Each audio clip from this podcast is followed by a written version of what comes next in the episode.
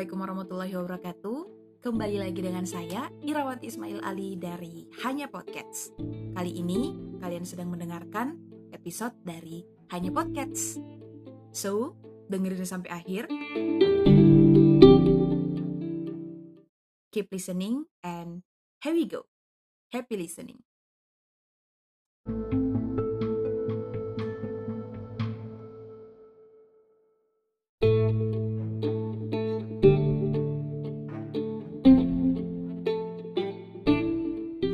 Oke, selamat malam. Selamat malam minggu. Tepat di tanggal 5 Maret 2022, teman-teman mendengarkan episode kali ini yang hopefully teman-teman bisa menjadikan atau menggunakan hanya podcast sebagai teman malam mingguan kalian. Entah mau didengarkan di ketika menuju ke tempat tidur, ingin tidur, atau didengarkan di pagi hari, di siang hari, it's okay. Pokoknya thanks untuk selalu mendengarkan episode-episode dari Hanya Podcast. So, let's go back to the topic. Seperti yang kita tahu bahwa Netflix selalu berhasil menyita perhatian kita dengan deretan koleksi series hingga film yang dimilikinya. Nah, pada tanggal 11 Februari 2022 lalu, Netflix kemudian merilis serial yang berjudul Inventing Anna yang sangat disayangkan nih kalau teman-teman melewatkan. Jadi uh, let's open your Netflix dan tonton series ini. Terdiri dari beberapa episode. Serial ini kemudian diproduksi oleh Sonda Risma, sosok yang dibalik judul-judul populer baik film ataupun seri-seri sebelumnya seperti Bridgerton and Grey Anatomy.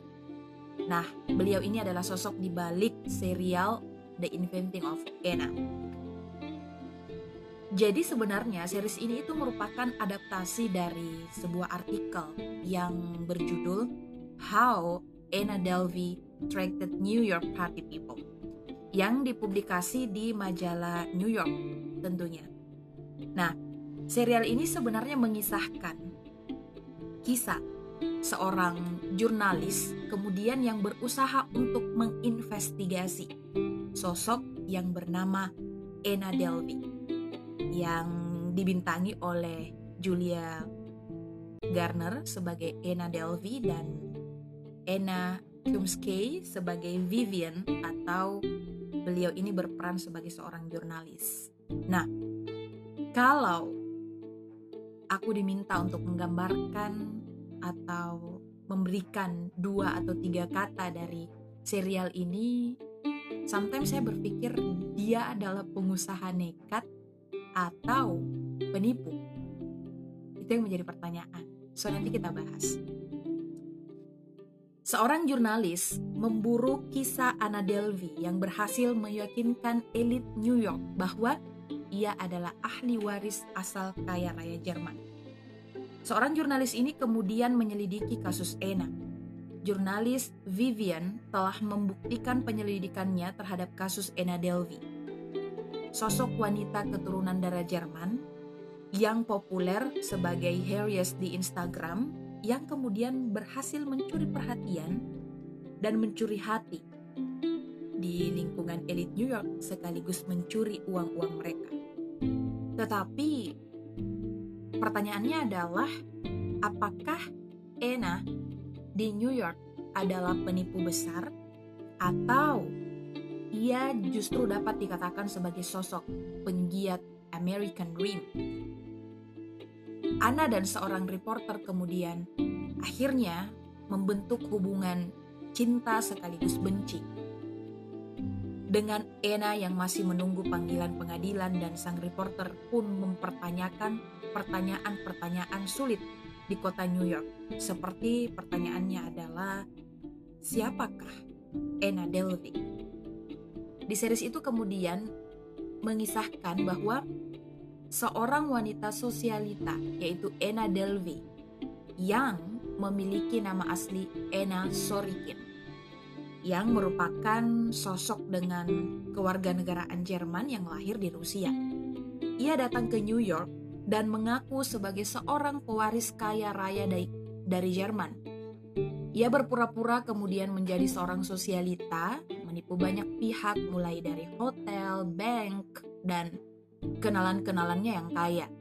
Hingga kemudian muncul stigma atau julukan sosialita gadungan.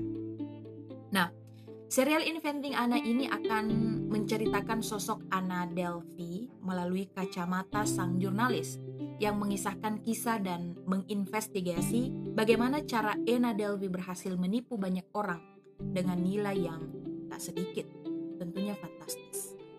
Nah, dari series ini kemudian saya ingin menyampaikan atau ingin mengulas five surprising life lesson from serial Inventing Anna. Yang pertama adalah bagaimana kemudian sosok Anna ini sangat kukuh dan punya persistensi untuk pursue your dream untuk mengejar mimpinya.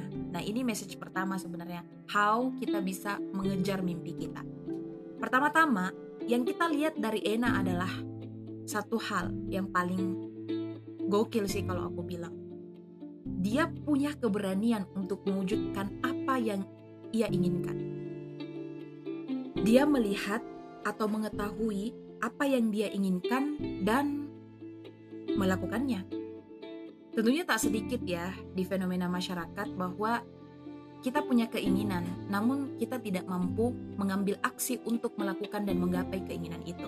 Nah, di satu sisi, sosok Ena Delvi ini tampak tidak pernah menderita keraguan diri yang kemudian menjadi problem sebagian dari kita ya kan ketika kita punya mimpi, ketika kita punya dreams, tapi kita punya keraguan besar dalam diri kita apakah kita bisa menggapai mimpi itu atau seperti apa. Nah, sosok Ena Delvi ini adalah orang yang tidak pernah menderita keraguan diri, but dia selalu punya percaya diri yang tinggi dan keyakinan yang luar biasa. Instead, she decided she deserve all of things and more. Nah, terlepas dari bagaimanapun egoisnya mimpinya, ia mampu untuk meyakinkan sekitarnya bahwa mimpinya itu akan nyata dan bisa diwujudkan, walaupun sebenarnya ya masih di dalam angan-angan. Jadi yang perlu menjadi catatan buat kita sebenarnya adalah how we set our dreams dan kita bisa more realistis untuk mencapai mimpi-mimpi itu dan tentunya kita melewati hal atau aktivitas-aktivitas yang kemudian jangan sampai merugikan orang lain seperti yang dilakukan oleh Ena Delphi. Poin yang kedua, surprising life lesson yang bisa kita lihat dari kehidupan yang diceritakan dalam serial ini adalah di mana Ena will try to play the boys games. Dia selalu mengatakan bahwa it's not that hard to identify with her. She recognized the many obstacles young women women face when they want to be taken seriously in the world run by men. Jadi di sisi lain, Ena tidak menggunakan sisi feminisnya untuk melancarkan aksi-aksi penipuannya. Beda dengan uh, film yang saya bahas sebelumnya beberapa minggu yang lalu ya, yaitu Tender Swindler, pria yang menggunakan ketampanannya untuk menipu para wanita. Tapi beda dengan Ana. Ena ini kemudian memberikan bualan yang mungkin bisa dikatakan lebih realistis dan yang banyak dilakukan jalur-jalurnya itu lewat permainan-permainan yang biasa dimainkan oleh laki-laki gitu ya itu yang dilakukan oleh Ena motif motif itu yang dilakukan oleh Ena untuk menipu di sekeliling yang mulai dari hotel, bank dan rekan-rekannya. Surprising life lesson yang ketiga yang mau saya sampaikan di sini adalah you don't have to be like able. Itu yang dicerminkan di serial itu. Nah, dari sudut pandang psikologi, serial Inventing Anna sebenarnya sangat menarik. Kita di bawah untuk bertanya bahwa what is she? Psychopath? Machiavellians? A nerd? Who knows? Who care? She's fascinated and disturbing. Oke, okay, teman-teman listener, mungkin saya sedikit memberikan gambaran tentang bagaimana kepribadian sosiopat, kemudian Valiant, dan Narch. Yang pertama adalah sosiopat. Sosiopat ini adalah jenis gangguan kepribadian yang ditandai dengan perilaku dan pola pikir antisosial. Adapun beberapa karakter seorang sosiopat umumnya tipe kepribadian eksploratif dan sometimes berani untuk melanggar hukum, tidak peduli dengan orang lain, kasar dan mudah marah, mudah terjebak dalam kekacauan. Itu orang-orang sosiopat. Kemudian yang kedua, kepribadian Machiavellian adalah istilah untuk mereka yang punya kecenderungan berpikir strategis, menipu, dan bahkan manipulatif, serta menghalalkan segala cara untuk mencapai tujuan, impian, dan keinginan mereka. Dan hal yang paling mencolok adalah mereka punya sifat egosentrisme. Tipe kepribadian yang ketiga adalah narcs atau narsist. Narsistis ini adalah orang yang uh, mengalami gangguan narcissistic personality disorder atau NPD. Kondisi ini adalah sebuah gangguan mental yang mana orang yang mengalaminya akan menganggap dirinya lebih penting daripada orang lain. Akan menganggap dirinya sangat berjasa atas orang lain. Kurang lebih seperti itu. Nah, dalam serial ini sosok anak Delvi ditunjukkan dengan karakter kasar, selalu mau berkuasa, selalu mau berhak, sombong, tidak disukai dalam segala hal. Namun, anehnya, entah bagaimana ia bisa memiliki cukup kecerdasan dan karisma untuk menyesuaikan diri dan menarik orang-orang untuk ikut kepadanya. Saya jadi bertanya, kira-kira apakah dia bisa mendapatkan banyak teman atau pengikut jika dia tidak berpura-pura menjadi gadis dengan dana perwakilan kulit putih yang kaya raya? Mungkin tidak ya. Karena dia hanyalah seorang gadis Rusia yang tampak biasa saja. Kalau teman-teman listener pernah menonton satu film yang berjudul Gone Girl, ada kesamaan karakter antara Ena dan Amy. Karakter wanita lain yang tidak disukai, tetapi Ena tidak pernah menjebak siapa pun untuk pembunuhan, dan berusaha keras untuk membalas dendam. Tapi, Ena ini adalah tipe atau kepribadian yang sangat egois dan manipulatif. Tetapi, tidak seperti Tinder Swindler. Dia mencuri dari orang kaya dan tidak memaksakan dirinya ke hati atau menjalin hubungan yang spesial untuk mendapatkan apa yang dia inginkan. Surprising listen life yang keempat adalah dalam serial ini ditunjukkan bahwa everyone has a weakness. So, Anna figured out what made someone thick. Like any good con artist, she know how to manipulate and charm everyone around her.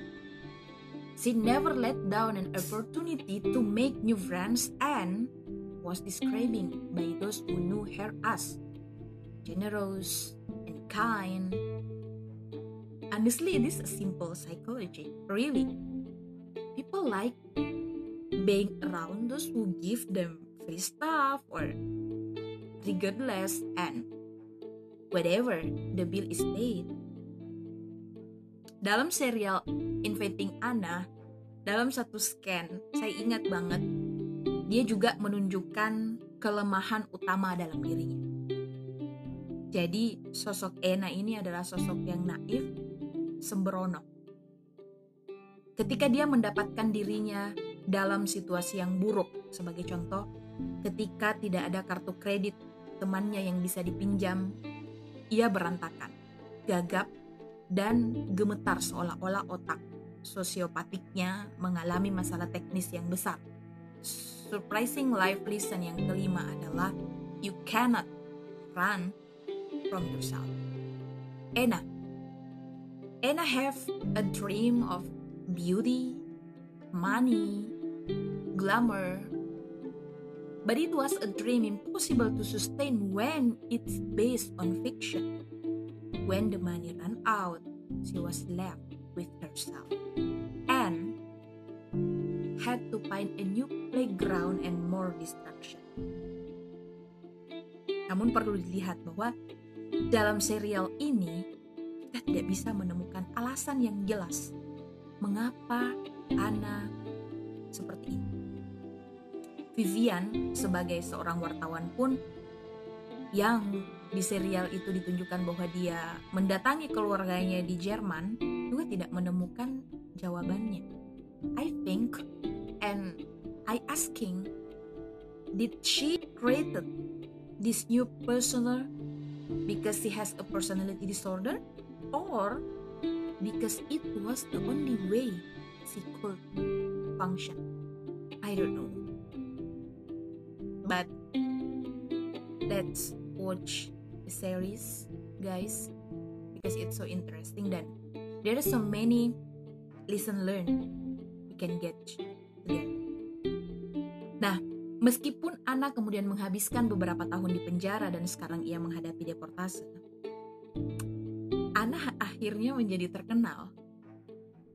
Bahkan korbannya itu diuntungkan dari penawaran buku, dari cerita yang dia jual ke media, dan tentunya tawaran cek yang sangat besar. So, the question is, is the con over? For now. But who knows what will happen in the future? Believe that there's always another Anna Delvey waiting for the perfect opportunity. Teman-teman listener, listen learn dari serial Anna Delvey ini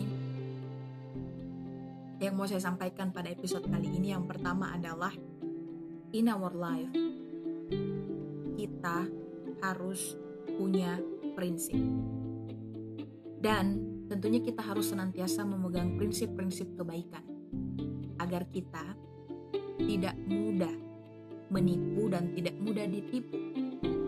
Karena perilaku ini adalah perilaku sosial yang sangat buruk, merugikan sesama dan jangan salah, itu juga merugikan diri kita sendiri. Jika kita memiliki keyakinan bahwa segala sesuatu akan dipertanggungjawabkan di hari setelah kita kembali Jangan bicara kematian dulu.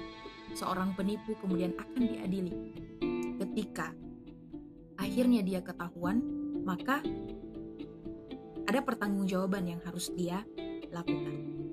So, pembelajaran yang kedua adalah kita sebaiknya memiliki perspektif yang tough terhadap look, beauty, kemewahan hidup. Pada dasarnya gini, Jangan sampai kita menjadi manusia yang serakah akan dunia, hanya mencintai dunia, mengejar dunia, mengejar materi, atau puput dunia. Ketika hal materialis yang kemudian menjadi tujuan kita, maka kita akan terperangkap dalam penderitaan yang tak berkesudahan. Percaya, kecantikan, kemewahan itu bukan tujuan, tetapi ingat, itu adalah titipan yang kelak akan kita pertanggungjawabkan. Karena kita bicara mengenai rezeki, hal ini yang akan ditanya. Dari mana kita mendapatkan dan untuk apa kita belanja? Jadi ketika kita membelanjakannya ke hal-hal yang buruk, tamat sudah riwayat kita. Lesson learn yang ketiga adalah bagaimana kemudian kita mengekspresikan mimpi. Ya, mimpi memang harus kita kejar, tapi perlu kita ingat bahwa Kenapa kita harus menggapai mimpi dengan jalan yang salah? Ketika ada jalan kebaikan yang bisa kita lalui. Ingat, bermimpilah dan gapailah impian itu dengan jalan kebaikan. Tidak memberikan kerugian ke sesama ataupun kepada diri sendiri. Dan gapailah mimpi itu dengan jalan yang dicintai oleh Allah. Lesson yang keempat adalah tentang lebih ke leadership atau kepemimpinan. Dari sini kita belajar tentang betapa pentingnya kepemimpinan atau empowered jika kita menggunakan ke hal-hal yang tepat. Salah satu skill yang sangat diperlukan dalam menggapai kesuksesan adalah skill interpersonal, the part of the leadership skill. Bagaimana mempengaruhi orang lain, tapi ingat, kita harus mampu mengkrit makna kesuksesan bukan hanya sekedar materi. Misal, orang sukses, kamu mikir sukses itu punya rumah, sukses itu punya mobil, sukses itu punya tabungan miliaran. It's not. But kamu harus bisa mengkrit kesuksesan itu dan kaitkan dengan meaning your life. Tujuan hidup kamu. Dan big why kenapa kita sebagai manusia diciptakan. Atau di dalam diri kita, semoga tidak ada Ena, Ena, Delphi. Semoga senantiasa kita selalu berada di jalan yang baik, mencari rezeki yang halal, dan menggapai mimpi kita dengan jalan yang dicintai olehnya. Semangat berjuang, para pemimpi, percayalah mimpimu akan tercapai pada waktu yang terbaik. Dan jangan lupa untuk melewati jalan yang baik pula. So, terima kasih setelah mendengarkan sampai akhir. Sampai jumpa pada episode berikutnya. Selamat bermalam minggu, stay safe, stay healthy, dan tetap prokes. Assalamualaikum warahmatullahi wabarakatuh. Música